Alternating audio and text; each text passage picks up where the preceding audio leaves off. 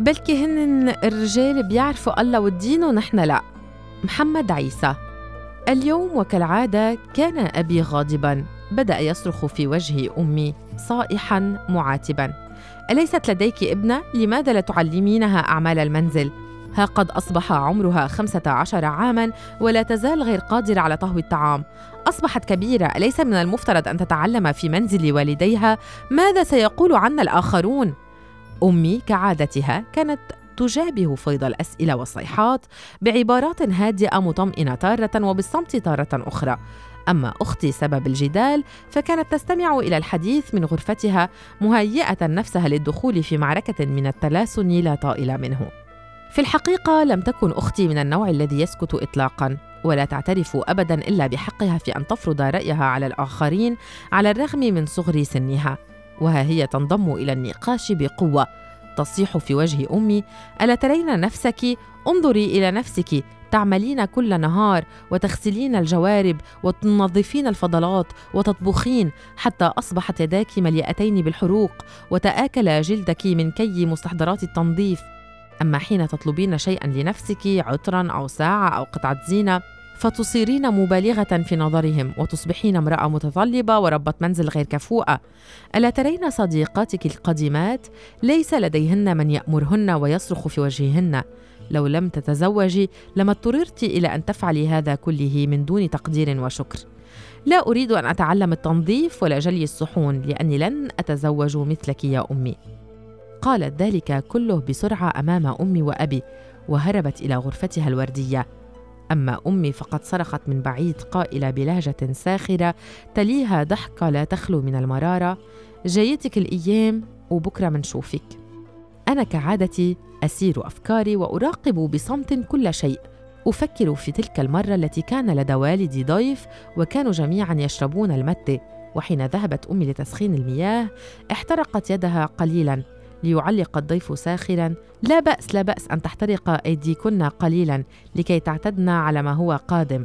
قالها بسرعة مشيرا إلى مقولة إن أغلب أهل النار من النساء متبعا طرفته غير الطريفة ابدا بضحكه فجة عالية مرفقة بضحكه مجاملة عالية أخرى من أبي.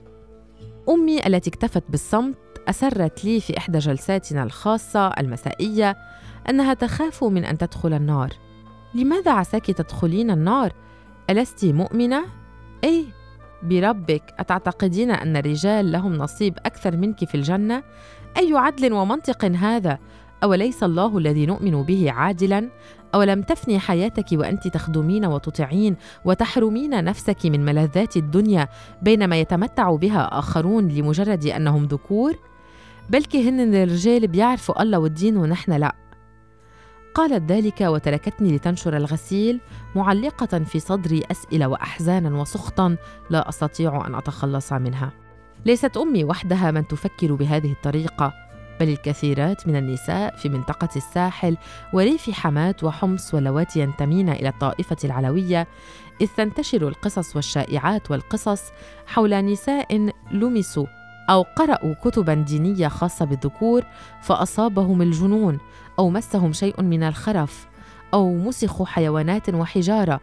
قصص تبدو طفولية وسخيفة إلا أنها تلقى تصديقا ورواجا كبيرين كما لو كانت حقائق ثابتة.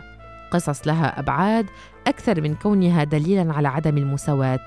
أبعاد تمدد لسلوك المرأة ونظرتها إلى ذاتها ومكانتها.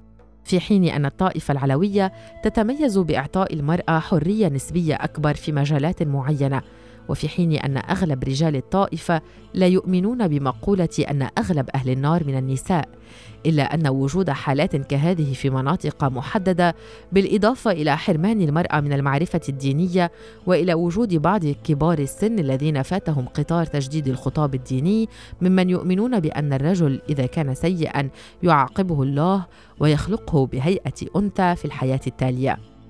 ذلك كله يعكس لنا بوضوح الدور السلبي التي يمكن للمعتقدات الدينية أن تلعبه تجاه نظرة المرأة إلى نفسها وإلى النضال في سبيل حقوقها. وأنا هنا أخص بالذكر الطائفة العلوية فحسب لأنه من الشائع أن ينظر إليها من قبل فئات إسلامية أخرى على أنها أكثر تحررا من غيرها. ولا يعني خصها بالذكر أن الطوائف الأخرى أنصفت المرأة إنصافا كاملا. إلا أن أشكال الاضطهاد لدى الطوائف الأخرى معروفة ومنتشرة أكثر. لطالما رأيت والدتي تعامل أختي بدونية تحطمها أحيانا وتمنعها من الخروج من المنزل أو تراقب هاتفها باستمرار. لا أدري إن كان بإمكاني لومها. أمي حقا أول امرأة ذكورية أعرفها. أمي ليست قاسية ولا شريرة. إنما الذي يظلم أمي وسيظلم أختي هو ذاك النظام الأبوي المدعوم من المنظومة الدينية والذي تفشت أفكاره في عقول النساء والرجال كالسرطان والذي يتجلى في أشكال كثيرة نراها بدءا بالتفكير الدائم بزواج الفتاة والصورة النمطية للذكر القوي الجثة ذي العضلات والصوت الأجش وانتهاء بالامتيازات الدينية. في حين أن الله يتصف بالعدل كما تقول الأديان يبدو أن للفكر الذكوري رايا آخر دائما.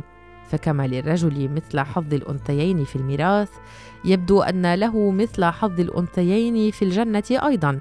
في الدنيا وفي الآخرة اذا. تلك الأفكار التي ترعبني وتجعلني أريد العودة بالزمن لربما إلى حياة الغابة والصيد السعيدة. إلى زمن أقدم إلى زمن أفروديت وإيزيس وأثينا.